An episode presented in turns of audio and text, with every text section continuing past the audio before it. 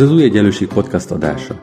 Ha még nem találkoztál velünk, az Új Egyenlőség igényes tartalmú, ugyanakkor populáris társadalomelméleti magazin, amely a gazdasági demokrácia alapértékeit, egyenlőség, szabadság, igazságosság és szolidaritást képviseli. Podcastünkben egy-egy érdekes témát dolgozunk fel szerkesztőtársaim, vagy az új egyenlőség szerzői, illetve a téma kapcsán releváns szakértők segítségével. Beszélgetünk, vitatkozunk, talán úgy, ahogy te is tennéd, ha itt lennél velünk.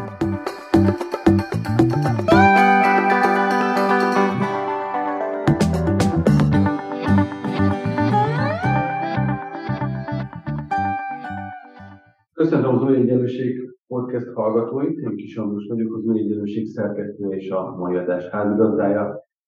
Az elmúlt hetekben eh, elég érdeklődést váltott ki egy messziről nézve gazdaságügyi tranzakció, mégpedig, hogy a Libri hálózatot azt a korábbi kisebbségi tulajdonos többségévé tette, és a MCC megszerezte a tulajdoni jogokat. Ezek után egy intenzív közéleti vita alakult ki, a Libri szerzői közül többen megszólaltak, sarkosabban, kik egy, egy kicsit óvatosabban, a vonatkozóan, hogy ez az átalakítás veszélyezteti a művészeti szabadságot, az aktív szabadságot, innentől kezdve mi fog történni a könyvpiacon. És azt gondoltam, hogy érdemes erről beszélgetni, és nem is feltétlenül a konkrét tranzakció kapcsán, hiszen nem valószínű, hogy erről a bejebb lennénk, ha, sokat találgatunk, hanem igazából arról, hogy hogyan is épül fel a magyar könyvpiac, mi ezeknek problémája.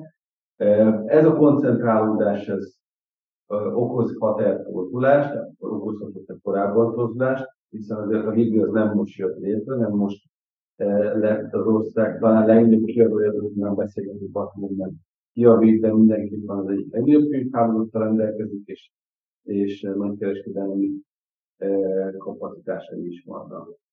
Szóval, hogy egy kicsit beszélgessünk arról, hogy amikor elmegyünk egy könyvesboltba, vagy egy online feltévedünk egy könyv kiadó vagy könyvterjesztő honlapjára, akkor mit is látunk ott azon kívül, hogy nyilván azokat a könyveket, amiket szeretnénk megvenni, de milyen előcsoportok vannak. Beszélgetünk partnerem Váradi Péter, szerkesztő, és abban maradtunk, hogy egy diszkrimináltan az egy nyilván megjegyzéseket tesz ennek kapcsán. Szia Péter, köszönöm szépen, hogy elfogadtad a meghívást. Szervusz Ambrus! Tehát akkor, akkor a disclaimer, amit beharangoztál. Egyrészt köszönöm a meghívást, másrészt ugye, én a Lármatan könyvkiadónak vagyok a főszerkesztője most már egy jó ideje, és itt, itt dolgozom ennél a humán és társadalom tudományi könyvekkel foglalkozó kiadónál, aminek van egy egy szép irodalmi portfóliója is, de ennek nagyobb része az fordított szép irodalom. Tehát a piacnak az a szegmens, amit ismerek, az ebből következően a, a elsősorban a tudományos könyvkiadás, de egyébként meg még azt is megemlíteném, mert szerintem az is érdekes lehet, hogy, hogy több más kiadónak is fordítottam és segítettem már a, a szerkesztői pályafutásom során, de ami, ami maradandó és ami, ami meghatároz, az a lármatta. Nos, Úgyhogy egyébként jó. meghatározza a dolgot, tehát hogy ezt azért is gondoltuk azt, hogy mindenképpen jelentjük. Vágjunk bele csak akkor, hogy akkor értelmezzük tudjuk. Kik a szereplők a könyvkiadás, könyvterjesztés piacán, most nem feltétlenül gazdasági csoportok, hanem hogy kik azok, akik, akik kulcsúval bírva eljutatják a könyvet az olvasóhoz. Csak hogy innen szerintem érdemes innen kezdeni, hiszen nem biztos, hogy ennyire tudás mindenki számára. Ez egy nagyon átfogó kérdés. Ugye, amit, amit szerintem feltétlenül érdemes figyelembe venni, az az, hogy van egy, van egy általános tendencia, most már tíz éve, hogy a nagy terjesztői platformokról forgalomnak egyre nagyobb szegmense kerül át az online térbe. Na most ugye a Libri egy kivételezett helyzetben vagy pozícióban van ezen a területen, hiszen a Bookline az idejekorán nagyon jó ritmusban kezdte fejleszteni ezt a online terjesztői platformját, és ezt integrálta végül is a Libri, és a Librinek ugye, illetve a Libri egészének, a libris kiadóknak megvan a saját online terjesztői platformjuk, tehát tulajdonképpen a, ezzel a változással, ezzel a librinek a súlya nem csökkent a, a terjesztői szegmensben, hanem megmaradt, sőt nőtt. Na most a másik oldalának az egésznek, hogy ugyanakkor az egyes kiadók is egyre erőteljesebben kezdték el ezt a szegmens fejleszteni, tehát a saját közvetlen direkt eladásaikat. Most, hogy ennek milyen pénzügyi jelentősége van, azt mindjárt megemlíteném röviden. És én a saját tapasztalatunkból, illetve abból, ahogy látom, hogy a, a, a piacon hasonló területen mozgó többi kiadó tendenciái hogyan alakulnak, azt látom, hogy ez a direkt, közvetlen eladás, ez egyre meghatározó. Ez szerintem ez egy nagyon jó folyamat, és hát a kiadók számára ez egy, ez egy fontos jövedelmi töbletet hozott, és azt is elmondom, hogy miért. Ugye per pillanat az egész terjesztői infrastruktúra úgy épül fel, hogy van jelenleg két nagy terjesztői lánc, és vannak több kis, kisebb, vannak nagy terjesztők még rajtuk kívül, illetve vannak kisebb üzlethálózatok, és vannak specializált üzlethálózatok, mondjuk például a, a Pozsonyi Pagonynak az üzlethálózata, ugye, ami gyerekkönyvekkel foglalkozik, ifjúsági könyvekkel. Na most a nagy terjesztői hálózatok, azok viszonylag magas terjesztői áréssel dolgoznak. Én nem tudom, hogy a, ö, általában a piac többi részén vannak-e ilyen terjesztői árések, de per pillanat a Librinek a terjesztői árés az 55-54 százalék körül mozog. Ez egy nagyon nagy arány. Tehát azt jelenti, hogy ha valaki bemegy egy Libri könyvesboltba, és vesz egy könyvet 1000 forintért, akkor abból a bruttó összegből bruttó 550 forint, 540 forint marad a Libri könyvterjesztőnél. Hogyha bemegy a lírába, úgyhogy nevezzük meg a másik nagy könyvterjesztő hálózatot, nagyságrendileg ugyanekkora összeg maradott is. Na most ezzel szemben, hogyha mondjuk egy kiadó ugye saját online platformot fejleszt, adhat nyugodtan 20%-os kedvezményt, és még úgyis sokkal nagyobb arányát tartatja meg a, a, a könyv árának, ami, hát hogy is mondjam, a költségei sokkal jelentősebb részét finanszírozhatja. Na most ugye egy érdekes kérdés az, hogy vajon a könyvkiadók miből élnek.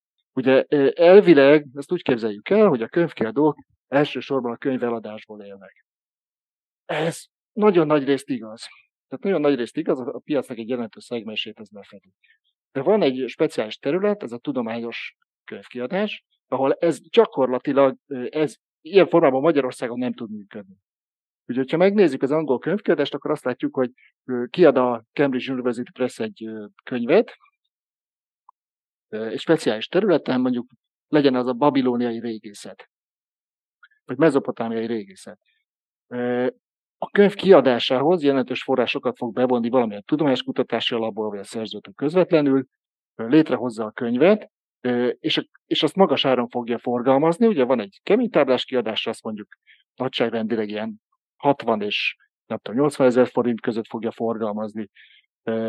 De csak egy, csak egy ilyen, hogy mondom, egy ilyen légből kapott példát mondok, de nagyjából a tendenciáknak ez megfelel, és aztán lesz egy kartonár kiadása, az némileg olcsóbb lesz. De a könyv ára az mindenképpen nagyon magas lesz, a bekerülési költségek a, ugye kiad, a, a kiadás finanszírozója számára szintén magasak lesznek, és gyakorlatilag a terjesztési bevételnek egy jelentős része az abból fog származni, hogy vannak olyan oktatási intézmények, kutatási intézmények a világban, akik nem engedhetik meg azt maguknak, hogy ezekből a könyvekből ne vásároljanak. Ők megvásárolnak egy viszonylag limitált példányszámot, de ugye miután ezeknek az intézményeknek a száma azért világszerte nagy, ezért ez egy nagyobb példányszám lesz, mint amivel egy magyar kiadó eleve számolhat bármilyen hasonló esetben, és miután magas a, a könyvnek az ára, ezért összességében lesz egy, egy komoly terjesztési árbevétele a kiadónak az adott könyv kapcsán. És ehhez képest a könyv ö, ö, ö, kiadása, kiadását megelőzően bevont forrás, az már, hogy is mondjam, nagyságrendileg ugye, ö, arányban kisebb lesz. Most ehhez képest a magyar könyvkiadói piac az úgy néz ki, és itt a tudományos könyvkiadásról beszélek, hogy a az eladásokból rendkívül nehéz finanszírozni a könyv kiadásának a költségeit. Rendkívül nehéz, nehezet azt mondhatnám is, hogy gyakorlatilag lehetetlen, de vannak olyan könyvek, nyilván ilyen, ilyen egyedi kiadványok, évente 5-10-20, ahol ez megvalósulhat, mondjuk egy, mondok egy vagy nem is tudom, nem is, nem is érdemes itt példát mondani. A lényeg szerintem az, hogy, hogy évente csak néhány olyan sikerkönyv van, ami egyrészt megfelel a tudományossági kritériumoknak is, másrészt alkalmas arra is, hogy egy széles közönséget megszólítson, olyan érdeklődést váltson ki, ami egy több ezres példányszámnak a eladását garantálja, és ez a több ezres példányszám képes arra, hogy finanszírozza a könyv előállításának a költségeit. De a Magyar Tudományos Könyvkiadás, ami évente nagyságrendileg ezer címet produkál, az, és itt most nem a, nem a konkrét tankönyvekről beszélek, tudományos könyvkiadásról, felsőoktatáshoz kapcsolódóan, kutatáshoz kapcsolódóan. Tehát ezt az ezer, ennek az ezer könyvnek az elsőprő többségét ebből a forrásban nem lehet finanszírozni. Ugye, e, hogy ez milyen forrásból, milyen egyéb forrásból történik, az egy nagyon érdekes, izgalmas kérdés. Most nem tudom, hogy erre szeretnéd, hogy tovább vigyük ezt a beszélgetést, Itt vagy... A részén, hogy ugye azt mondod, hogy az egyik meghatározott szereplő nyilván maga a kiadó, ez világos, hiszen a termék Van a nagykereskedő, erről mondod azt, hogy ha valaki a hagyományos nagykereskedői hálózatot vesz igénybe, akkor lemondhat a könyv értékének a 55%-áról, most nagyságrendileg mondom, marad 45%. De ez a kérdés, hogy ez marad-e a kiadónál, vagy még mindig akkor csak ott járunk, hogy a nagykereskedő elvitte a kiskerbe a terméket, és még ott is képződik ezen valamilyen díj, amit le, ott, ott marad, tehát árésként, vagy amikor nagy, nagy hálózatot terjesztés mondod, akkor beleszállítod a kiskereskedelmi díjat. Oké. Okay. Na most úgy néz ki, hogy a, a, tehát ahhoz, hogy te egy könyvet eljutass egy könyvesboltba, ennek gyakorlatilag két útja van. Az egyik, fogod a könyvet, te magad beviszed a könyvesboltba. Mondok egy, egy ilyen boltot mondok neked, ami jól működik, tehát a jól működik alatt azt, azt értem, hogy tényleg jól működik, tehát vannak ott jó könyvek, van forgalom, van közössége, rendszeresen vásárol könyveket, stb. Ez az írókboltja. Az írókboltjába közvetlenül beszállítja a könyvkiadó könyvet, és ott eladják a könyvet, és levonnak egy nem tudom, 30-40-50 százalék közötti terjesztő jutalékot, az a boltnak a költségeit finanszírozza, a, a felmaradó összeget pedig átutalják a kiadónak. Ez gyakorlatilag itt két szereplő közvetlen üzleti kapcsolatára van szó. A nagy terjesztői láncoknál ez úgy néz ki, hogy te, ha elég nagy vagy hozzá, akkor hajlandóak veled közvetlenül szerződést kötni. Ugye nagyon kicsi kiadókkal nem szeretnek szerződést kötni a nagy terjesztői hálózatok, mert egyszerűen nem kapnak elég címet, nem kapnak elég példányt, több erőforrást köt le az, az, ő, az ő kapacitásaikból az ilyen kis partnerekkel való szerződéskötés, mint ami egyébként üzletileg indokolt lenne. De hogyha elég nagy vagy, akkor kötsz egy direkt szerződést ezekkel a nagy terjesztői hálózatokkal, vagy most maradjunk egyelőre a hálózatoknál, és akkor utána te beszállítod nekik a könyvet, a, ők pedig valamilyen belső mechanizmus alapján eldöntik, hogy melyik üzletükbe hány példányt fognak ö, beszállítani abban a könyvből.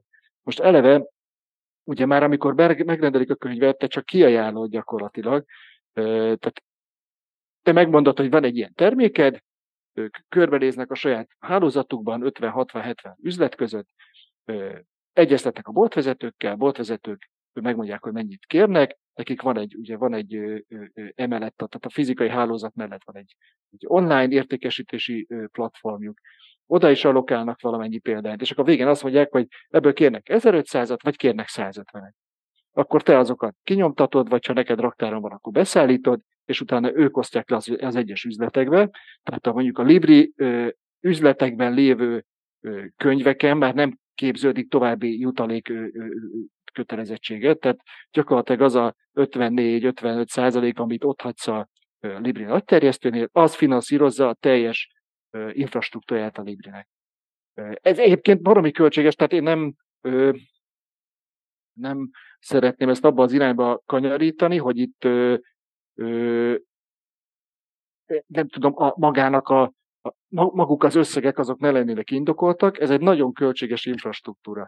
ami kiépült ugye a, a Libri alatt, hogy ez ideális vagy nem, az, az egy, ez egy ilyen több szempontból vizsgálható kérdés. Az biztos, hogy az az infrastruktúra, például ahogy a, ahogy a, Libri könyvesbolt hálózat fölépül, ez a tudományos könyvkiadás szempontjából nem ideális, mert egyszerűen tudományos könyvkiadásban nem tudsz olyan nagy mennyiséget terjeszteni, egyszerűen képtelenség annyit eladni, hogy az a, finanszírozza ezt az infrastruktúrát. Éppen ezért ezek a könyvesboltok elsősorban nem az ilyen tudományos könyveknek a eladására jöttek létre, de egyébként, hogyha bemész egy ilyen könyvesboltba, akkor láthatod is, tehát ott az nekik nagyon fontos, hogy meghatározó címekből nagyon nagy példányszámot eladjanak, legyen az a, a, a, a, a, a svéd krimitől kezdve a, a, nem tudom, a magyar szépirodalom Dragomán Gyurin keresztül a, nem tudom, a, a, a albumokon át bármi.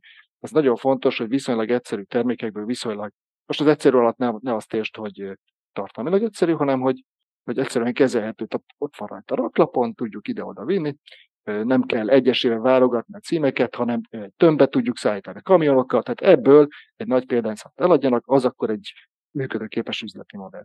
Most nyilván ezt olyan könyvekből, ahol egyesével kell keresni a polcokon a három példányból a, a, az éppen még meglévő példányt, azt nagyon nehéz lenne finanszírozni. Tehát ez, ez egy sokkal nagyobb most mondjam, logisztikai kihívás jelentene egy ilyen cégnek. Tehát beszéltünk a hálózatokról. És akkor vannak a, az önálló könyvesboltok, tehát mondjuk te elhatározott, hogy nyitsz egy könyvesboltot valahol Salgótarjában. Most Salgótarjánban tegyük föl, hogy nincsen se Libri, se ö, Lira, ö, ezért azt látod, hogy ott van egy ilyen üzleti rész, piaci rész, ö, csinálsz egy könyvesboltot, így fölmerül a kérdés, hogy jó, jó, de honnan szerez be a könyveket. Ugye azt tudni kell, hogy Magyarországon a könyvpiac az úgynevezett bizományos rendszerből épült ki, hogy ez mit jelent, azt szerintem vagy elmondom egy következő kérdése válaszként, vagy mindenki utána nézhet az interneten, hogy ez, ez, ez mit jelent. De az a lényeg, hogy nyitsz egy könyvesboltot, és meg szeretnéd tölteni ezek, ezt a boltot könyvekkel. Két lehetőséged van. A. Megveszed a könyveket egy nagy terjesztésben. Ilyen nagy terjesztői üzlete van például a Lírának, elmész a lírához, és azt mondod, hogy neked van egy könyvesboltod, szeretnél oda könyveket vásárolni, és akkor egy viszonylag kedvezményes áron, egy nagyon széles termék portfólióból vásárolsz könyveket, azokat elviszed a boltodba, és ott, ott árulod. Ezzel az, az egészen az a gond, hogy egy nagy piaci hátrányba kerülsz, és óriási befektetésre van szükséged ahhoz, hogy neked termékkel legyen teli az üzlete. És miért? Azért, mert a többiek, a nagy terjesztői hálózatok azok bizományos rendszerbe a könyveket, tehát az a könyv, ami ott található a polcon, az nem az üzleté, nem fizettek érte egy fitet hanem az a könyvkiadóé, és csak utólag fogják kifizetni majd, hogyha te megvetted a könyvesboltban, ők lekönyvelték, a pénz az hozzájuk befolyt, lejelentették a kiadónak, a kiadó kiszámlázta, a számla lejárt, és akkor kifizetik majd ugye a felét a könyvárának, a kiadó felét. Ez azt jelenti, hogy hogy is mondjam, tehát a kockázatot azt jelentősen minimalizálják ahhoz képest, mint hogyha te egy magánzó lennél egy saját kiskönyvesbolttal. Azt tudják még csinálni ezek a kiskönyvesboltok, hogy megpróbálnak bizományosi szerződéseket kötni, de kiskönyvesboltoknak viszonylag nehéz. Tehát csatlakozni tudnak gyakorlatilag ö, ö, olyan ö, rendszerekhez, ahonnan, ahonnan ö, kedvező áron tudnak még valamilyen, valamilyen ö, ö, könyvkészletet beszerezni. Egyébként nem csak a Lírának van számottevő nagyterjesztői hálózat, hanem van más több nagyterjesztői hálózat, ahol a könyvkiadók ugyanúgy beszállítják a könyveket, a könyv az övék marad, beérkeznek a kis könyvesboltok, oda, onnan elviszik a könyveket, és ugye a, a bizományosi lánc az épp maradt, tehát nem az történik, hogy valaki a végén fizet, és már akkor kap a könyvkiadói a könyvkiadó pénzt, amikor még, amikor még nem vette meg a vevő a könyvet, hanem ez a, ez a, hogy mondjam, ez a bizonytalansági tényező, ez végig benne van a rendszerben. Úgyhogy én nem tudom, válaszoltam a kérdésre? Igen, azt, azt hiszem, ez világos, hogyha jól értem ez alapján, akkor a, a, amit eddig mondtál, hogy a nagy hálózatok monopolizálási joga az lényegében a kiskereskedelemre van nagy hatással, hiszen hogyha én független kiskönyves boltot akarok nyitni, akkor nagyon nagy tradicionális befektetést igényel, és ahogy mondtad, versenyhátrányt, hiszen a pénzem áll benne, és egészen biztosan mindent nem fog tudni eladni, miközben a nagy terjesztő pedig csak azért fog fizetni, amit eladott. És ebből képes is jelentős árést érvényesíteni. És ideig értem, hogy ezzel tulajdonképpen azért vagyunk a piacot képes torzítani eladási szempontból. Kiadói szempontból ez a rendszer torzítja-e a versenyt? Tehát magyarán történhet-e az, erről már én ténylegesen beszéltél, hogy a nagyon kis független kiadók, akik kevés példányon dolgoznak, sokkal materiásabban tudnak hozzáférni ezzel a rendszerhez, hiszen nincsenek meg azok az automatizmusok, amik, ha jól tettem nektek, eh, megvannak a, ezekről a kiadókhoz, azaz nehezebben jutatja el a könyvét a polcokra. De az a kérdésem, hogy ezen kívül képes-e valamennyire eh, deformálni a piacot? Tehát, hogyha a, akarja, akkor preferálhatja, tudja preferálni a saját könyvét, vagy nem így működik a könyvpiac, tehát hogy nem lehet hm? kvázi eldobni a könyveket a boltba. Ez, ez egy nagyon jó kérdés egyébként, tehát, hogy de az egésznek ugye a gyökere az az, hogy ez a magyar könyvpiaci rendszer, ez, ez nagyon sajátos. Tehát ez ugye egyrészt nem olyan óriási, tehát ez egy viszonylag kicsi ország, nem olyan óriási.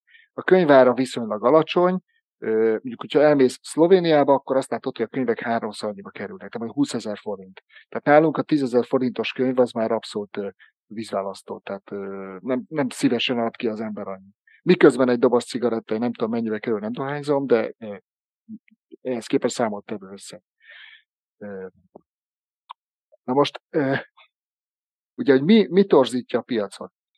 Tehát, ha most megnézzük a magyar, tehát ez egy, ez egy könyvesbolti infrastruktúra, amit el kell tartania ugye a könyveadásnak. Most ez a könyvesbolti infrastruktúra ugye két lábon áll. Annak idején három lábon amikor volt még Alexandra, nincsen Alexandra, van a Lira, meg van a Libri. Ugye vannak a Librik, a Libri üzleteknek az ismertető jegye, hogy általában plázákban találhatóak, szép, világosak, nagy területűek, és, és hogy is mondjam, a, hát egy nagyon, nagyon egyértelmű és világos logika alapján vannak berendezve, ami egy, egy, egy piaci, piaci logika. A líra üzletek azok több helyen megtalálhatóak. Az, szerintem az átlagos alapterületük, én nem akarok itt nagyon találgatásokba bocsátkozni, csak a személyes tapasztalataimat tudnám mondani, de nekem az a, az, az érzésem, hogy azok nem némire kisebbek, és, és egy, egy, egy, egy, mondjam, egy, egy, egy, egy, egy, egy hagyományosabb könyves gondolkodásmód alapján épül fel maga a kínálat, meg ahhoz struktúrálják a könyveket. Na most, amit én látok, az az, hogy ez a, az az infrastruktúra, ami végül is abban az irányba indult el, hogy ugye de ez már 20 éve zajlott, vagy mit, lehet, hogy 30 éve is, hogy egyre nagyobbak lettek a könyvesboltok, egyre inkább ez a, ez a plázás világ határozta meg, vagy dominálta a könyvesboltok kialakítását is, és ez ugye minden könyvterjesztőre hatással volt ez a tendencia, az azzal járt, hogy rendkívül költségessé vált ennek a fenntartása. Na most egy ilyen költséges infrastruktúrát ugye abba lehet fenntartani, és ezt már említettem, hogyha nagy példányszámú könyveket adsz el, amiknek az előállítási fajlagos olcsó lesz, a profit rajta pedig fajlagosan magasabb. Ez azt is jelenti, hogy ahogy mondtam, ugye a tudományos könyvkiadás az nem számíthat ilyen piaci mondjuk sikerekre, hogy a tudományos könyvek általában véve legyenek azok mondjuk orvostudományi vagy humántudományi könyvek, egyrészt a háttérbe szorultak, a háttérbe szorultakat nagyon is fizikai értelemben kell érteni, tehát a hátra kell menned a boltban, hogy eljuss oda, ahol kezdődnek a mondjuk számunkra érdekesebb kiadványok. Ez volt az egyik. A másik pedig az, hogy amennyiben tehát ak- ak- akkor szorultak hátra, amennyiben egyáltalán tartják a könyvet. Az üzletek egy jelentős részében ilyen könyvek egyáltalán nincsenek. Ezt nem akarom azt mondani, hogy ez egy új fejlemény, nyilván mindig is bizonyos könyveket csak specializált könyvesboltokban tartottak, ez a világon mindenhol így van. Ha elmész Párizsba, akkor tudod, hogy melyik az az üzlet, ahova azért mész el, hogy a beszéleket vednek, de hogyha mondjuk egy nagyon egy antropológiai réteg kiadványra vagy kíváncsi, akkor azt nem ott fogod keresni, nem tudod, hogy melyik könyvesboltba menjen.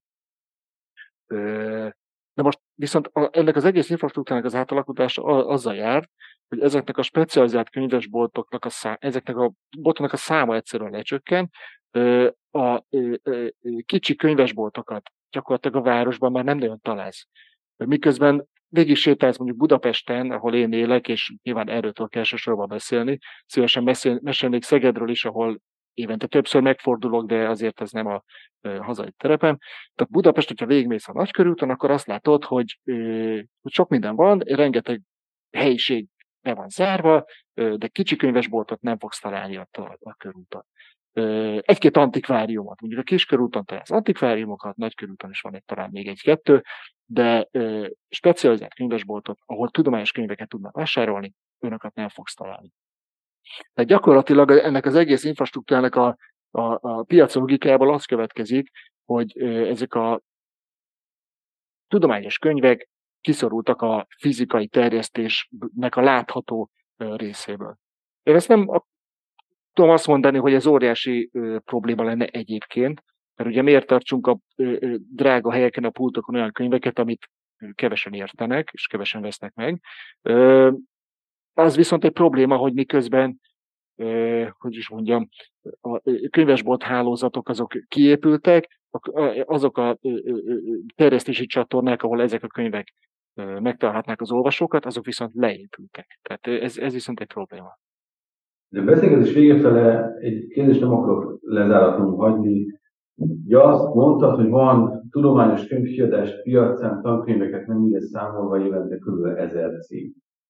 És az is fontos volt, hogy azt mondtuk, hogy ezek a kiadók, akik ebből élnek, azok nem elsősorban, vagy nem csak a kiadásból, eladásból van bevételük, hanem nyilván kell külső forrás bevonni, különben ezek nem tud rentábilis lenni a piac, és azt mondta, és ide egy levegőbe hagytuk ezt a részét, és szerintem nagyon fontos azzal összekapcsolni, amit mondtál, és hogy a, valójában a fizikai infrastruktúrákból is kiszorultak ezek a tudományos művek, de az is jelezte az elején, és ez is a nevünkben lóg egy kicsit, hogy ugyanakkor ezek a kiadók próbálnak saját eladási csatornákat fejleszteni, nyilván ez inkább az online irányába tud történni. Szóval összefoglalva így a végén, akkor a tudományos piacon egyrészt mi az addicionális forrás lehetőség, amire szükség van. Egyébként ez a eladáshoz képest akkor tudod érzékeltetni, hogy kb. A, minden egyes eladott könyvbe mennyit kell belerakni még pluszba valamilyen külső forrásból, van egyetlen ilyen benchmark, illetve hogy a, ez a torzulás eredményezheti azt, ami szerintem a nagy kérdés, hogy a monopolizált piacon tudományos művek nem tudnak megjelenni, akár ideológiai okok miatt is, mert egyszerűen valamilyen finanszírozási logikával ki lehet őket szorítani a piacon. Hát, ö, tehát a piacról, ha valaki jó, oké. Akkor nézzük onnan, hogy ez egy, egyébként egy nagyon érdekes kérdés. Ugye két, két felé bontanám. Az egyik az az, hogy hogyan néz ki a tudományos könyvkiadóknak finanszírozása, és akkor a másik, hogy milyen ö, veszélyei vannak an, ö, annak, hogyha ha bizonyos csatornák, a finanszírozás bizonyos csatornázok beszűkülnek, vagy, vagy monopolizálódnak, Isten tudja. Na most az első, ugye én ismerem néhány, sőt, igazából meghatározó tudományos könyvkiadóknak a mérlegeit én rendszeresen meg szoktam nézni, nem azért, mert, mert olyan izgalmas olvasmányok, mondjuk számomra érdekes, hanem csak szeretem látni azt, hogy a saját kiadónak a helyzet az, hogy hol, hogy, hogy, hogy pozícionálható ebben az egész kiadói világban. Most itt vannak előttem bizonyos kiadóknak a, a mérlegei, ugye már megvan a tavalyi mérleg mindenkinél szépen, és ö, amit fontos látni, az az, hogy ebben a világban a kiadói bevételnek körülbelül az 50-60-70 százaléka az, ami terjesztésből jöhet be. Ez a maximum, amit láttam. A, a, a források másik fele, az valamilyen a előállításhoz kapcsolódó valamilyen intézménytől, a szerzőtől, valamilyen Európai Uniós forrásból, valahonnan kívülről bevont a gyártáshoz kapcsolódó forrás. Tehát nem az eladás, hanem valamilyen mondjuk egy pályázati pénz. Mondjuk azt lehet mondani, hogy egy 100 forintos könyvnek a egy 100 forint értékben elállított könyvnek a 60%-át fizeti a vásárló, és 40%-et be kell valóban hozni, különben nem tudna a piacra kerülni. Így van, e, nem, én ezt nem tudom biztosan, hogy ez, ez, ez egy szükségszerűsége, de a jelen pillanatban azt látom, hogy a, a, azok a kiadók, akik ezen, ezen a területen dolgoznak, így működnek. Vannak eltérések, tehát van olyan kiadó, aki most éppen mondjuk egy bővülési fázisban van, nagyon nagy a vesztesége, de próbálja ezt valahogy megfinanszírozni még az alaptőkéjéből, és akkor reménykedik benne, hogy majd eléri azt a növekedési pontot, ahol ugye nullszadossá válik, és aztán bővülni fog. Tehát ilyenek is vannak. De alapvetően azt látom, hogy a, a, a piacilag észszerű kiadói vállalkozások azok úgy működnek, hogy maximum olyan 60% ot nagyságrendekben 60, esetleg 70 ot tudnak megfinanszírozni könyveladásból, és a többit az mindenképpen kutatási forrásokból, innen-onnan kell bevonniuk, intézményi vásárlásokból, stb. Na most ez mit jelent? Ez azt jelenti, hogy ugye ezeknek az egyéb helyről bevont forrásoknak a nagyon jelentős része az állami donortól származik. Ez egy állami donortól. Ami azt jelenti, hogy a Magyar Tudományos Könyvkiadásnak nagyon nagy a függősége az állami csatornáktól. Hogyha ezek az állami csatornák beszűkülnek, akkor rendkívül mértékben kiszolgáltatottá válik ugye az eladási csatornának. Ha éppenséggel nem ha éppenséggel nem válik működésképtelenné az a kiadó. Az is elképzelhető. Tehát az állami csatornák nélkül igazából lehet, hogy ez az egész szektor működésképtelen lenne. Most állami csatornálat értem mondjuk az Európai Uniós kutatási pénzeket is, mert végül is azok is adóbevételekből származnak, csak egy nagyobb éven keresztül jutnak el ezek, ezekhez a tudományos teljesítmények publikációjára szolgáló kiadókhoz. Na most, amit, amit én látok, ilyen problémaként, az az, hogy, hogy per pillanat van egy átrendeződés, hogy a, az állam az próbál minél kevesebbet vállalni a, hogy is mondjam, a, a tudományos eredmények publikációjának a finanszírozásából. Ugye ez, ez, ez részben szerintem egy ilyen, egy ilyen pillanatnyi szükségszerűség, tehát most, hogyha van pénz, akkor nyilván többet költünk, akkor nincs pénz, akkor kevesebbet költünk, de egy adottság is egyúttal, tehát most ilyen vagy olyanokban az, az bizonyos szempontból kiadók szempontjából teljesen mindegy. Ugyanakkor van egy, egy másik fejlemény is, az, hogy a gyakorlatilag minden kutatási teljesítmény esetében a finanszírozó, amennyiben az állami finanszírozó, legyen ez a, magyar állam, a, vagy, vagy, vagy az Európai Unió, elvárás az, hogy ez a kutatási eredmény, ez ingyenesen hozzáférhetővé váljon, és egy jelentős része ennek, ezeknek a támogatási pénzeknek az kifejezetten a tudományos teljesítmények, tudományos eredmények publikálására van számva, tehát ez ott fel van címkézve, és nem is nagyon lehet másra elkölteni. Viszont ezeket nem a klasszikus könyvkiadási modellben akarja elkölteni ez az állami donor, hanem azt mondja, hogy, hogy adjuk ki, jelentessük meg, de ne kellett kezel, de hogy is mondjam, de ez legyen ingyenes. Legyen ingyenes. Ugye ennek a logikának azért nagyon nehéz ellentmondani, hiszen hogyha van egy kutatási eredmény, ami eleve ö, egy állami finanszírozás keretében jött létre, még arra is kölcsön az állam, hogy aztán pénzért ezt hozzáférhetővé tegye, az egy kicsit ellentmondás lenne. Úgyhogy Úgyhogy a jelen pillanatban úgy néz ki ez az egész állami finanszírozási háttér, hogy átalakul a, a könyvkiadás felől eltolódik, ez, eltolódnak ezek az anyagi források az ingyenes hozzáférhetővé tétel felé.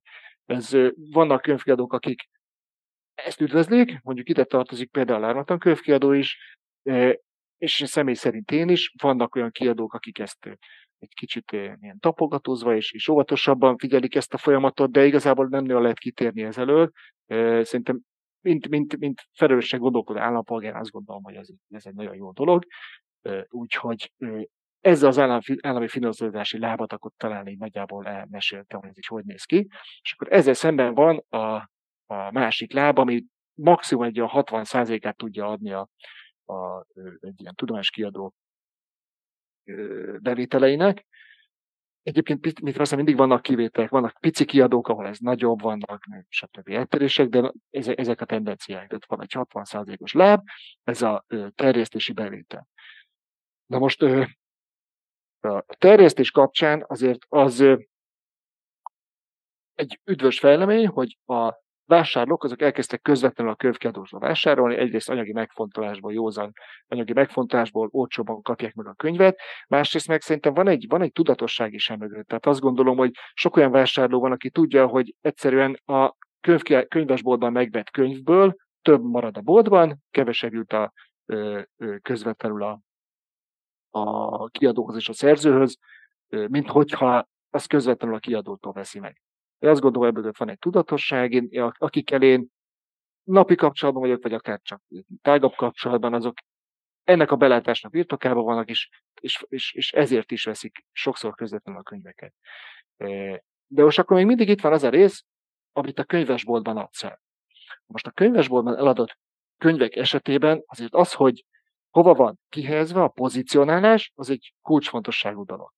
És nem is a tudományos könyveknél, hanem a nagyobb példányszámban adott könyveknél. Tehát azért, hogy a te könyved jó helyre kerül a könyvesboltban, eh, a terjesztői hálózatok borsos árat kérnek. Ha, ha, ha azt mondom, hogy borsos ár, akkor talán nem is írtam körül azt, hogy ez mennyire magas. Tehát ez úgy néz ki, hogyha mondjuk egy hétre, két hétre kiteszik a könyvedet 15 fővárosi üzletben, a bejárathoz viszonylag közel egy halomba, az egy milliós nagyságrendű befektetést igényel a részedről. Na most ezt tudományos, társadalomtudományos, nem tudom, egy, orvostudományi könyvekből ezt nem nagyon lehet finanszírozni. Azzal, hogy hátra viszik a könyvedet, és egy másik, egy alternatíva kerül mondjuk elé, amit a saját kiadói portfóliójából hoz elő a terjesztő, és ilyen pillanatban ugye itt tartunk, az nyilvánvalóan számodra anyagilag egy hátrányos szituáció lehet. Itt azért hadd kérdezzek közben, tehát hogyha jól értem, ha könyvemet el akarom vinni ebbe a hálózatba, és előkelő helyen szeretném ezt látni, azzal, hogy mondjuk a vásárló beütközön, akkor ezért, ezért fizetek. És hogyha ezt nem teszem, akkor könnyen lehet, hogy az a kiadó, aki egyébként a hálózatot is működteti, az fog elém kerülni, vagy az fogja jobban promotálni a könyvét, és hogyha ez egy ilyen e, valódi versenypiac esetleg az adott témakörben, akkor nyilván ezzel versenyhátrányba kerülök, ha jól értettem, amit mondtam. Ezt teljesen jól értetted, igazából ez egy, ez egy viszonylag régen tartó folyamat. Ö, nyilván, hogy is mondjam, tehát, tehát én azt, azt vélelmezem, hogy itt főleg egyszerűen a piac logikából következően zajlik ez. De hogyha bemész egy könyvesboltba, akkor azt fogod látni, hogy az adott hálózathoz tartozó kiadóknak a könyvei, azok mindig, elő, mindig jobban előtérben lesznek, mint más kiadók könyvei. Azzal együtt mondom ezt, hogy egyébként rengeteg olyan kiadó van még, ezeknek a hálózatoknak a, a, a hogy is mondjam, a a holdigába tartozó kiadókon kívül, akiknek nagyon is megéri kifizetni a, a, ezt a kiemelt kihelyezésnek a, az árát, és tudnak olyan könyvforgalmat produkálni, hogy az rentábilis legyen. Az elmúlt fél, több fél órában átbeszéltünk, próbáltunk a kiadóti terjesztő, kiskereskedők, nagykereskedői hálózatok kapcsán értelmezni ezt a helyzetet, amely a magyar könyvkiadás piacán van, illetve a tudományos könyvpiac nehézségei is szóba kerültek a dologban. Nagyon tanulságos beszélgetés van, köszönöm szépen Péter, hogy elfogadtad a meghívást, és itt voltál velünk. Köszönöm szépen. És hát azoknak a hallgatóknak visszatérve, már nem újdonság, de mindenképpen ajánlom a többi podcastünket is, a kék és a zöld podcastot is figyelem az új egyenlőségpontok, a Facebook oldalunkat, a YouTube csatornánkat. Itt mind-mind új tartalmakkal lehet találkozni, és hát mi is igyekszünk a nyáron tartani ezt a heti egy adásos menetrendet, néha kisebb megszakítással, de akkor uh, igyekszünk pótolni ezeket a elmaradt alkalmakat, úgyhogy én kis Ambrus voltam, köszönöm szépen, hogy most is hallgattatok minket. Szép napot, szép estét ki, amikor hallgatja ezt a beszélgetést.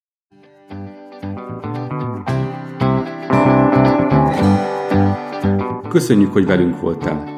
Olvasd minket az újegyenlőség.hu oldalon, nézd meg videóinkat a YouTube csatornánkon, és kövess minket a Facebookon. És hallgass meg a következő podcastünket. Ha tetszett, akkor szólj barátaidnak, ismerősöidnek is.